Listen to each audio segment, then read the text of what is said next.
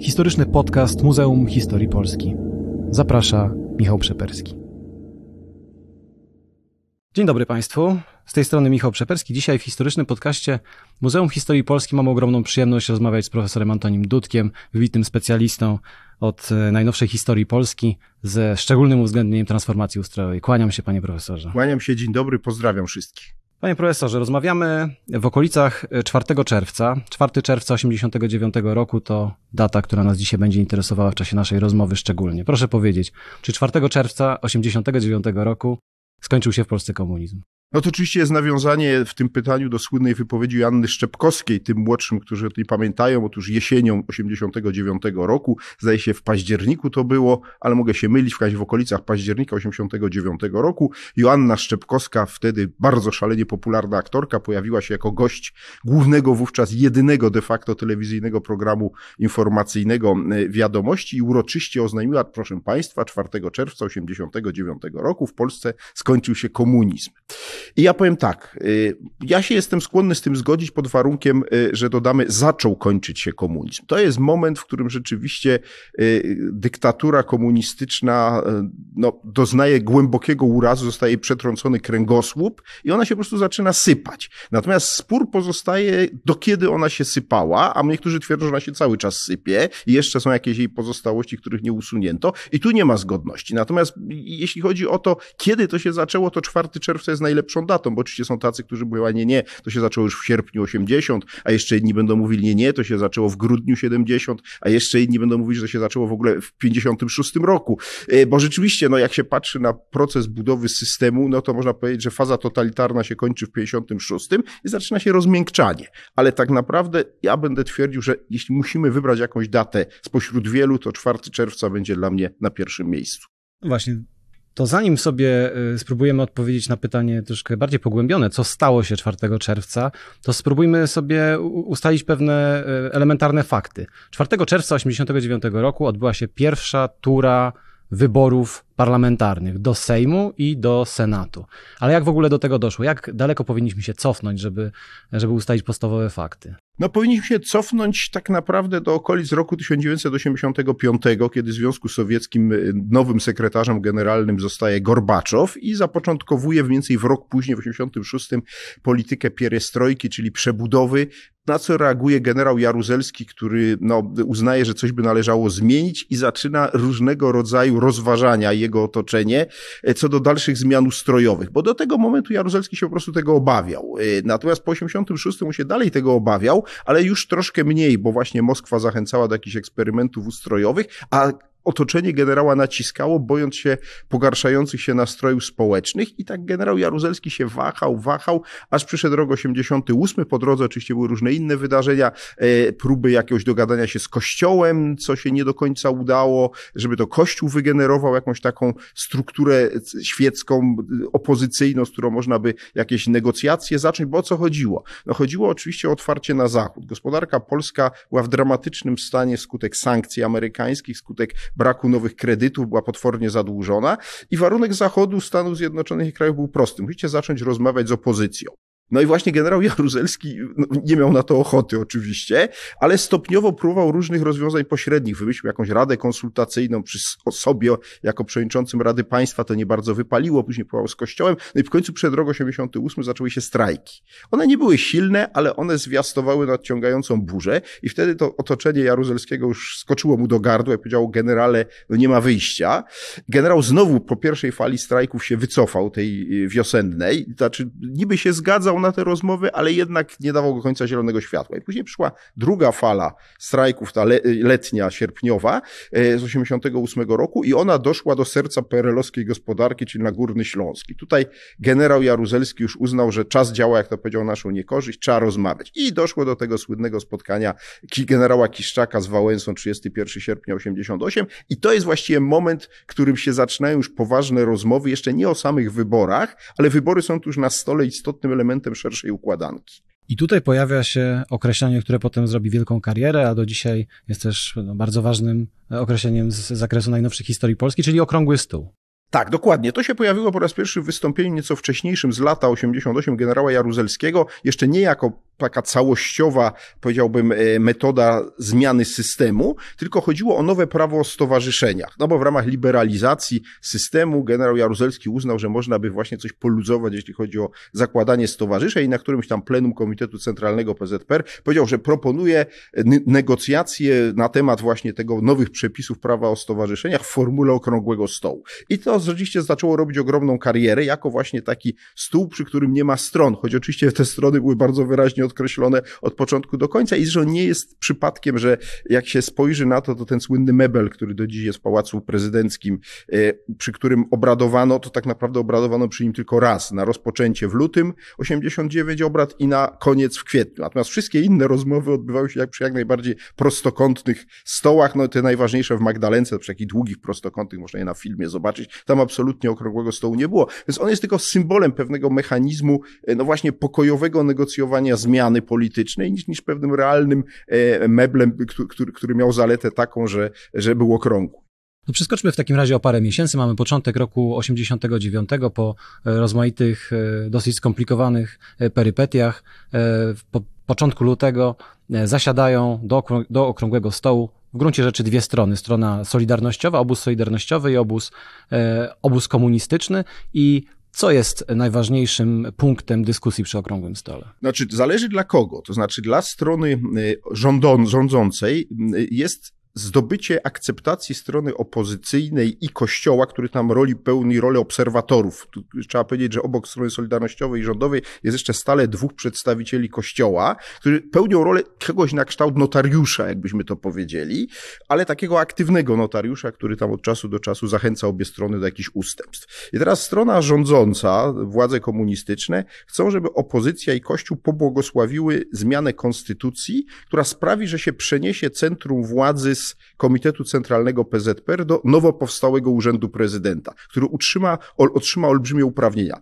Na czym polega istota tego pomysłu? Otóż partia komunistyczna rządziła e, e, w oparciu o artykuł trzeci Konstytucji, który mówił, że e, PZPR jest przewodnią siłą społeczeństwa w budowie socjalizmu. Ale było to na tyle ogólne i skompromitowane, że było jasne dla Jaruzelskiego i jego otoczenia, że na tym się dłużej nie da jechać. A co innego, jak będzie urząd prezydenta, gdzie będą konkretne uprawnienia konstytucyjne wymienione, że ma prawo weta wobec ustaw, że ma prawo rozwiązywania parlamentu i tak dalej. To miało być nowe centrum władzy, tylko ze starym gospodarzem. Jaruzelski miał zostać prezydentem i teraz chodziło o to, co w zamian można dać opozycji. No można dać jej na przykład jakąś liczbę mandatów do nowo powstałego, gdzie już prezydent, to utworzymy też drugą izbę parlamentu, czyli senat, damy jej tam trochę miejsc, troszkę mniej w Sejmie i jedziemy dalej, rządzimy tylko w nowych szatach.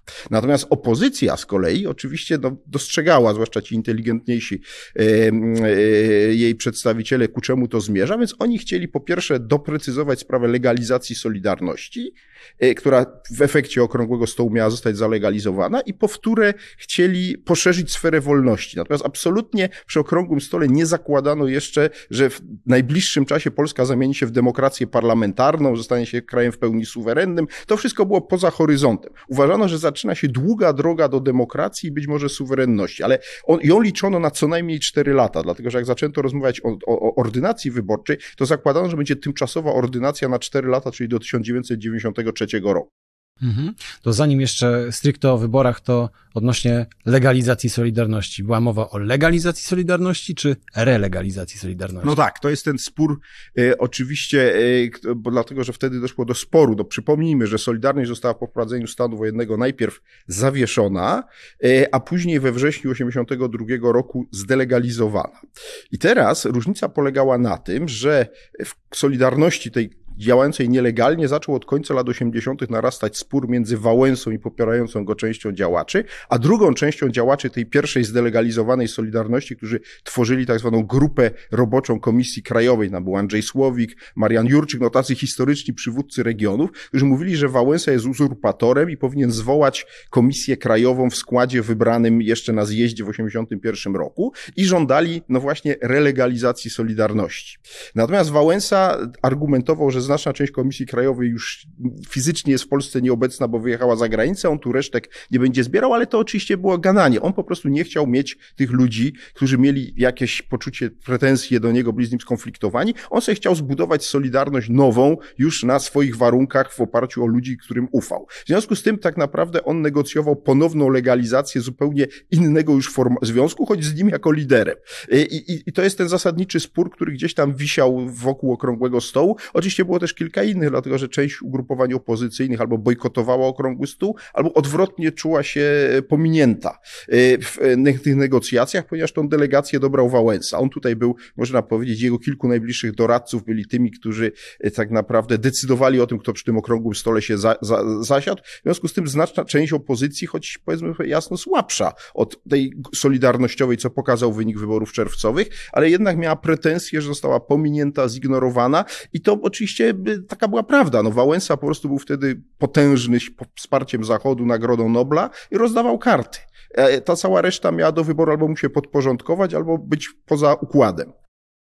Powiedział Pan o tym, że y, ten proces demokratyzacyjny, tak jak patrzyła na niego Solidarność, obóz solidarnościowy, czy też ta jego część, która e, wzięła udział w, e, zasiadła po prostu przy, przy okrągłym stole, wzięła udział w, w obradach, zakładał trwanie tego procesu demokratyzacyjnego na cztery lata w, w przód, no, ale okazało się, że historia przyspieszyła i przyspieszała coraz to bardziej. 5 kwietnia 89 roku kończą się obrady e, Okrągłego Stołu i krótko później zostaje właściwie nakreślony kalendarz wyborczy. Do, dochodzi, do, dochodzi do, zmian, e, do, do zmian w konstytucji e, i pojawia się na takiej publicznej scenie Polskiej Rzeczpospolitej Ludowej jeszcze coś takiego jak drużyna Lecha.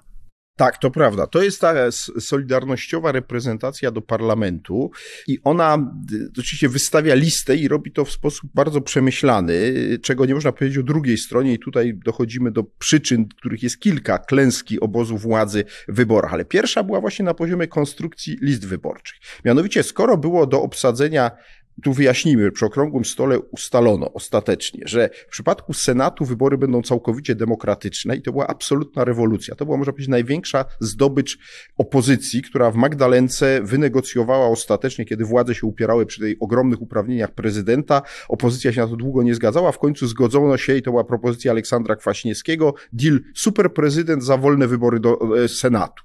I teraz e, ta ordynacja do Senatu przewidywała wybór po dwóch senatorów e, z każdego województwa, których wtedy było 49, co dałoby nam 98 senatorów. Wtedy strona solidarnościowa słusznie zauważyła, że jednak no, y, w tych województwach jest kompletnie inna liczba mieszkańców, co było oczywiście prawdą, i wtedy łaskawie władze zgodziły się do dwóch najludniejszych województw, czyli warszawskiego i katowickiego, dorzucić po jednym senacie. Powstała ta do dziś obowiązująca liczba 100.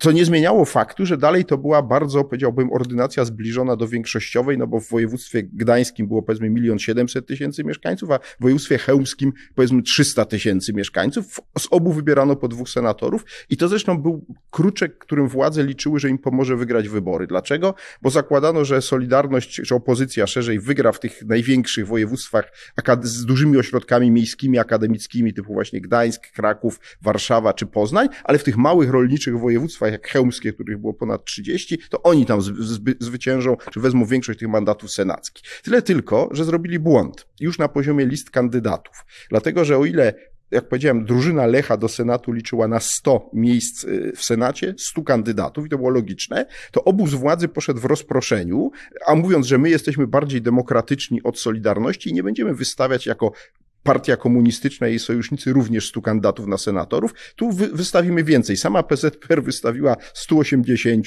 ZSL i SD także odpowiednio wielu, łącznie ponad 300 kandydatów e, e, z ramienia obozu władzy ubiegało się e, o miejsca w Senacie, no co oczywiście doprowadziło do rozproszenia głosów i tej dra dramatycznej klęski, jeśli chodzi o Senat, jak, jaka zaczęła się 4 czerwca, a dokończyła 18 czerwca. Jak wiemy, ostatecznie to było 99 do 0, dlatego że ten jeden jedyny senator z województwa pilskiego, słynny Henryk Stokłosa. Tak naprawdę ciężko go zakwalifikować do obozu władzy, bo został z PZPR za nadużycia usunięty już na początku lat 80. i był takim symbolem nowej epoki, takiego szemranego biznesmena, który oczywiście zrobił później wielką karierę, a zainicjował kampanię w stylu kiełbasiano-piwnym, prawda? On właśnie robił te festyny. No i tym pogonał Solidarność, piwem i kiełbasami, które zresztą sam produkował swojej rozwijającej się prężnie wytwórni. Można powiedzieć, że to taki przedstawiciel politycznej, prywatnej inicjatywy jakimś sensie. Tak, ale tego bardziej takiego niefajnego jej części, to znaczy takiego, gdzie to on zaczynał oczywiście jako człowiek z aparatu władzy, później, prawda, zobaczył, że można więcej zarabiać na w prywatnym sektorze, więc zaczął tam robić jakieś przekręty, za co go właśnie z partii usunięto, no i później jakoś tam prosperował i rozwinął skrzydła po roku 89. No dobrze, ale wróćmy do, wróćmy do drużyny Lecha, bo jedna część wyborów to w pełni, w pełni wolne, po prostu wolne wybory do, do, do Senatu, ale nieco bardziej złożona była sytuacja, jeżeli chodzi o wybory do Sejmu. Tak, jeśli chodzi o ordynację do Sejmu, bo Sejm miał być ten najważniejszym, przypomnijmy też na czym znaczenie miało polegać. Otóż yy, wedle ustaleń okrągłostołowych, później przeniesionych do Konstytucji, prezydenta, więc tą najważniejszą osobę miał nie wybierać naród, tak jak to się przyzwyczailiśmy, tylko połączone Izby Sejmu i Senatu. Sejmów Sejmu sędziów, posłów było 460, senatorów 100, więc było jasne, że najważniejsi będą posłowie. I tutaj oczywiście PZPR sobie zagwarantowała dla siebie i swoich sojuszników 65% mandatów w Sejmie, czyli dokładnie 299, co pozwalało spokojnie przy założeniu, że oni wszyscy będą działać w sposób jednolity, wybór prezydenta, niezależnie od tego, że te pozostałe 161 by wzięła Solidarność jeśli chodzi o posłów i 100 senatorów, to, to ciągle mamy tą większość, to było wszystko wyliczone. No i teraz tak, y, y, wybory do Sejmu odbywały się właśnie w takim bardzo skomplikowanym systemie quasi-kurialnym. Znaczy mieliśmy mandat na przykład przeznaczony dla PZPR i o ten mandat przeznaczony na PZPR mogli ubiegać się tylko członkowie PZPR, podobnie mandat dla Zjednoczonego Stronnictwa Ludowego, Stronnictwa Demokratycznego i były tak zwane mandaty dla bezpartyjnych, których było 35%. I one nie były, jak się często uważa, przydzielone opozycji. Nie, nie, nie. Bo o te mandaty mogli też ubiegać się ci ludzie związani z obozem władzy, którzy y, nie byli członkami którejś z tych trzech partii oficjalnie działających. I tutaj oczywiście symbolem tych, jak ich złośliwie nazywano po stronie Solidarności, bezpartyjnych bolszewików był oczywiście Jerzy Urban, jeden z najbliższych współpracowników generała Jaruzelskiego, który nie był członkiem PZPR aż do jesieni 89, czyli mógł, e, mógł e, e, kandydować i kandydował z okręgu w Warszawie, gdzie zresztą walczył z, o mandat z jego głównym przeciwnikiem był znany aktor z listy Solidarności Andrzej Łapicki, ale oni oficjalnie byli obaj bezpartyjni i walczyli o mandat dla bezpartyjnych. Czyli tak naprawdę PZPR i sojusznicy mieli zagwarantowane, że ich członkowie będą mieli 65% mandatów w Sejmie, ale mogli jeszcze coś urwać z tej puli 35%, gdyby któryś z ich kandydatów przeszedł, no szkopu w tym, że nie przeszedł żaden. E, co więcej, 4 e, czerwca, żeby zrozumieć skalę upokorzenia, upokorzenia kandydatów obozu władzy. E, to trzeba powiedzieć o sprawie tego, że żeby zostać wybranym w pierwszej turze trzeba było, tak jak to w wypadku wyborów prezydenckich jest dzisiaj, uzyskać ponad 50% głosów e, wszystkich oddanych w tym okręgu. I teraz kandydaci Solidarności zdobyli z tych 161 mandatów, które można było zdobyć już 4 czerwca, zdobyli 160. Jeden jedyny mandat, którego nie zdołali zdobyć, był w Wrocławiu i zdobył go kandydat Solidarności w drugiej turze. Tymczasem po drugiej stronie barykady mandaty zdobyło w okręgach tylko trzech na grubo ponad 200 kandydatów obozu władzy, a cała reszta musiała walczyć o, e, re, no, o wybór dopiero w drugiej turze, czyli 18 czerwca.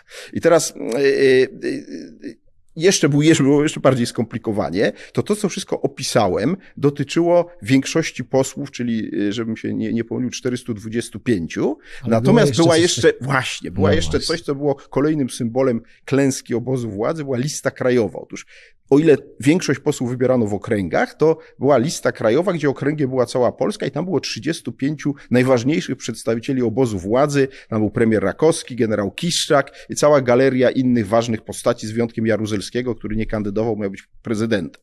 I ta lista krajowa nie dość, że w większości przepadła, bo na 35 wymaganą większość uzyskało dwóch zaledwie z tych 35 kandydatów, to co więcej ordynacja miała ewidentną wadę, bo w ogóle nie przewidywała, co się dzieje, jak ci kandydaci z listy krajowej nie uzyskają wymaganej większości. Czy te mandaty pozostają nieobsadzone, czy też są obsadzane, a jeśli tak, to w jaki sposób.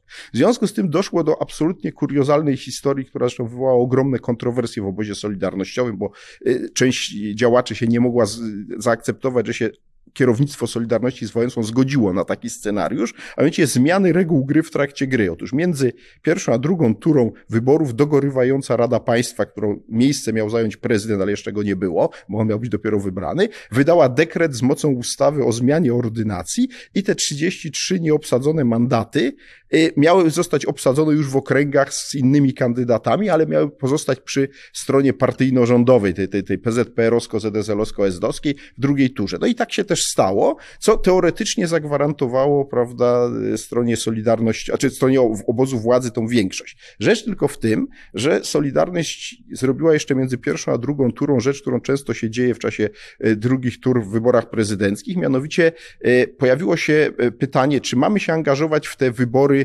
między na przykład dwoma kandydatami PZPR, dwoma kandydatami ZSL, które będą 18 czerwca. I w pięćdziesięciu kilku przypadkach komitety obywatelskie Solidarności zaapelowały do swoich zwolenników, idźcie na drugą turę, co zresztą się okazało mało popularne, bo o ile w pierwszej turze było 63% frekwencja, to w drugiej 25 tylko procent e, frekwencja wyniosła, ale ci, którzy poszli, posłuchali w znacznej części Solidarności i zagłosowali no, na konkretnych ludzi, na przykład takim symbolem jest młody, wyróżniający się rolnik z okolic Płocka, Waldemar Pawlak, który został poparty przez Solidarność, dzięki czemu pokonał starego aparatczyka ZSL-u. I takich przypadków było więcej. Dlaczego to było ważne? Bo nie wiem jak było z Pawlakiem, ale większość tych y, wybranych w ten sposób miała poczucie, że bardziej zawdzięcza to Solidarności niż władzą swoich partii, czyli zwłaszcza ZSL i SD. I tu się pojawił problem z wyborem Jaruzelskiego, bo część tych posłów powiedziała, że nie będą głosować na Jaruzelskiego. Posłowie z ZSL i SD, którzy mieli być gwarantami jego wyboru. I zaczął się gigantyczny kryzys Y, y, który trwał mniej więcej miesiąc, ale to już inna historia. Tak, jeszcze może zdążymy powiedzieć parę słów na temat wyboru prezydenta Jaruzelskiego na pierwszego y, czy nie, nie, nie pierwszego prezydenta, pierwszego prezydenta no, Polski, Polskiej Rzeczpospolitej, Rzeczpospolitej tak, Ludowej, tak, pierwszego. bo w 52 jak zmieniono konstytucję, Bierut był formalnie prezydentem niestety Rzeczpospolitej, Rzeczpospolitej Polskiej. Polskiej. Tak jest. Dobrze, zostawmy na chwilę generała Jaruzelskiego na boku, e, więc właściwie mamy, obraz mamy taki. Z punktu widzenia formalnego, kiedy zbiera się pierwszy wybrany e, w takich, takich hybrydowych, w, w, częściowo wolnych, e, częściowo e, no, półwolnych, trudno w ogóle w jakiś sposób to określić, ale takich bardzo specyficznych warunkach, gdy zbiera się ten, ten parlament, to tak naprawdę e, wydaje się, że Polska Zjednoczona Partia Robotnicza, czyli monopartia, która rządziła Polską przez e, z górą 40 e, lat oraz jej sojusznicy, właściwie mają rzecz pod kontrolą. I mówię o tym dlatego, że no to właściwie w jaki sposób zrozumieć, co się wydarzyło 4 czerwca, bo przecież przed 4 czerwca komuniści byli święcie przekonani, przynajmniej duża ich część, duża część ich, ich elit, że, że wygrają z Solidarnością, że to będzie wielkie zwycięstwo. Jeden z e, niesławnej pamięci działaczy PZPR, bodajże Zygmunt Czarzasty, o ile pamiętam, e, obawiał się, że zwycięstwo PZPR będzie, będzie zbyt duże, będzie, będzie na tyle duże, że będzie niewiarygodne międzynarodowo. Skąd takie w ogóle księżycowe przewidywania? Znaczy, ja powiem w ten sposób, y, to po pierwsze jednak nie wszyscy wszyscy. Część działaczy PZPR była przytomniejsza i zdawała sobie sprawę, że tak lekko nie będzie i był pewien opór w ogóle przeciwko tym demokratycznym wyborom do Senatu i że to wszystko poszło za daleko. Y, natomiast oczywiście byli też tacy, którzy wierzyli, na czym oni to opierali? No na badaniach socjologicznych. Robiono badania socjologiczne, w których mniej więcej 40% badanych mówiło, że jest niezdecydowana. W moim przekonaniu oni po prostu się bali ujawnić swoje prawdziwe preferencje, mówiąc, że są niezdecydowani i władze do końca wierzyły, że tych niezdecydowanych pozyskają. Tymczasem te 40% doszło do drugich 40%, które deklarowały w tych badaniach, że poprzą Solidarność, bo jakby 20% jasno mówiło, my poprzemy obóz władzy i mniej więcej takie było realne poparcie dla obozu władzy. I teraz zwróć, proszę zwrócić uwagę, gdyby e, w przypadku Senatu e, przyjęto ordynację proporcjonalną, to jak wynika z tych głosów, które zebrali, bo tam kandydowali no, tacy kandydaci jak na przykład Aleksander Kwaśniewski, wtedy Leszek Miller, oni próbowali zostać senatorami, zrobili całkiem niezłe wyniki, no tylko, że system większościowy ich anihilował. Gdyby był proporcjonalny, PZPR miałaby jej sojusznicy kilkanaście, może nawet dwadzieścia mandatów senatorskich. Dalej by przegrała e, ta obóz władzy, ale to nie byłaby tak druzgocąca porażająca klęska. E, tutaj nagle się okazało, w tym Senacie nie ma nikogo, lista krajowa padła, e, większość naszych e, ludzi nie przeszła w ogóle w pierwszej turze, musi walczyć w drugiej, jeszcze w tej drugiej Solidarność w tym grzebie i tu się po prostu nastąpiło coś w rodzaju pęknięcia wewnątrz, e, wewnątrz powiedziałbym, e, struktur e, aparatu urzędniczo-państwowego. Ja mam nawet takie konkretne wydarzenie, które zawsze opowiadam jako o symbolu. To jest taki konkretny dokument symboliczny, oczywiście o którym mało kto wtedy wiedział, ale który obrazuje stan nastrojów i w aparacie władzy. Oto dosłownie w kilka dni po drugiej turze, pod koniec czerwca 1989 roku, minister finansów w rządzie Rakowskiego, członek PZPR oczywiście, pan Andrzej Wróblewski, pisze pisze list do Komitetu Centralnego, w którym kategorycznie odmawia dalszych środków przelewania z budżetu państwa na konta PZPR, ponieważ wszystko, co PZPR mogła dostać w świetle ustawy budżetowej, już dostała i nie dostanie niczego więcej. I teraz dlaczego to jest ważne? Dlatego, że to jest tak naprawdę wyrok śmierci z odroczoną egzekucją dla PZPR, która nagle zostaje odcięta od finansowania, a wszystkie pieniądze rzuciła na kampanię wyborczą. I teraz nagle się okazuje, a to jest ogromny aparat. Trzeba pamiętać, że w PZPR wtedy pracowało plus minus zawodowo kilkanaście tysięcy tysięcy ludzi. Kilka tysięcy aparatczyków plus kierowcy, sekretarki, ochroniarze i to, to trzeba było utrzymywać. I nagle się okazało, że niby partia jest bogata, no ale nie w sytuacji, w której nie ma już dofitacji z budżetu. RSW, prasa, książka, ruch, drugie główne źródło. No, w sytuacji hiperinflacji rozpoczynającej się miało problemy z zyskiem, generowaniem odpowiedniego zysku i PZPR, czyli ten rdzeń systemu zaczyna się rozpadać. Zaczyna się rozpadać. Dlaczego? No bo ten szok 4 czerwca jest tak głęboki, e, że ci ludzie którzy są z nomenklatury partyjnej, ale są, prawda, dyrektorami, prezesami, naczelnikami, myślą sobie, no właśnie ta partia, no to, to, to może niekoniecznie nam już czymkolwiek pomoże. Trzeba się orientować na nowy obóz, który niby nie wygrał, ale naprawdę wygrał, czyli na Solidarność. I zaczyna się taki oddolny proces rozchodzenia się struktur. Ten Wróblewski jest tylko jego pismo, które oczywiście wywołało szok w Komitecie Centralnym, jest tylko symbolem tego procesu. To jest e, takie spojrzenie z punktu widzenia, mm, no właśnie, obozu, obozu władzy, ale interesuje mnie też, może nawet bardziej jeszcze, interesuje mnie spojrzenie od strony, od strony społecznej, od strony tak zwanych z, zwykłych Polaków, jeżeli taką figurę możemy tutaj, możemy tutaj przyjąć. Wydaje mi się, że 4 czerwca e, no, był jednak taką datą, którą, czy takim momentem, który w jakimś sensie na przykład można porównać z, z pierwszą pielgrzymką papieską w 79 roku. Mam na myśli to, że, że e, Polacy zobaczyli, że tak wielu ich E, sprzeciwia się rzeczywistości, sprzeciwia się władzy PZPR i tak sobie próbuję to tłumaczyć, mm, no poczuli pewną sprawczość, poczuli to, że, że istnieje realna szansa na jakąś zmianę. A czy ja powiem tak, to nie do końca ja bym tak to widział, dlatego że yy, zwrócił, proszę zwrócić uwagę, że ponad jedna trzecia w ogóle nie wzięła udziału w tych wyborach. To nie kryje, że co mnie najbardziej w wyborach czerwcowych, wtedy jako ich uczestnika zaskoczyło, to jednak ta frekwencja, dziś by powiedzieli 63%, to jest bardzo wysoka frekwencja, ale to my wiemy dziś po ponad 30 latach patrzenia na niską frekwencję już w systemie demokratycznym. Wtedy ja byłem zdumiony, że tak wielu Polaków zrezygnowało w ogóle z możliwości wpływania na, na rzeczywistość, bo się ona oczywiście pojawiła, bo w końcu jakieś alternatywne, wybory. To, więc tak, jedna trzecia ponad, prawda, nie bierze w tym udziału. Później z tej drugiej grupy jednak władze miały pewne poparcie i zostaje tak naprawdę kilkumilionowa rzesza, no powiedzmy, że to jest z trudem połowa społeczeństwa, która rzeczywiście wierzy, że jest jakaś szansa i dlatego zagłosowała na Solidarność. I ci ludzie oczywiście od samego początku yy, zakładali, że być może władza znowu będzie próbowała to odwrócić, że wracamy może do roku 80, zaczyna się taki okres, prawda, yy, złagodzenia kilkunastomiesięczny, a później znowu będzie jakieś uderzenie, e, uderzenie e, no właśnie aparatu władzy komunistycznej, ale stan wojenny. I to nie chodzi tylko wbrew pozorom o ten pierwszy okres do powstania rządu mazowieckiego.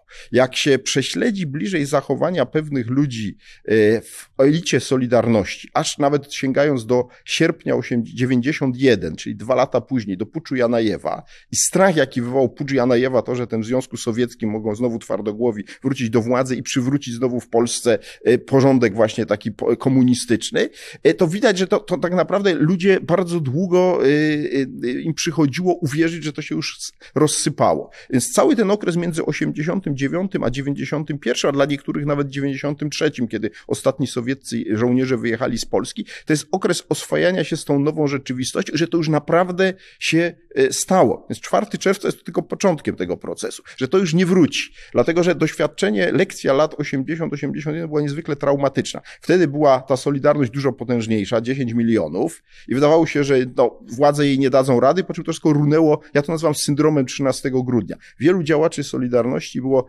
w roku 89, 90, a niektórzy nawet w 91 dotkniętych syndromem 13 grudnia, cały czas uważało, że komuniści się przyczaili i w stosownym momencie skoczą do gardła. No nie skoczyli na szczęście, ale mówię, wielu ludzi dopiero po kilku latach uznało, że rzeczywiście nie skoczą.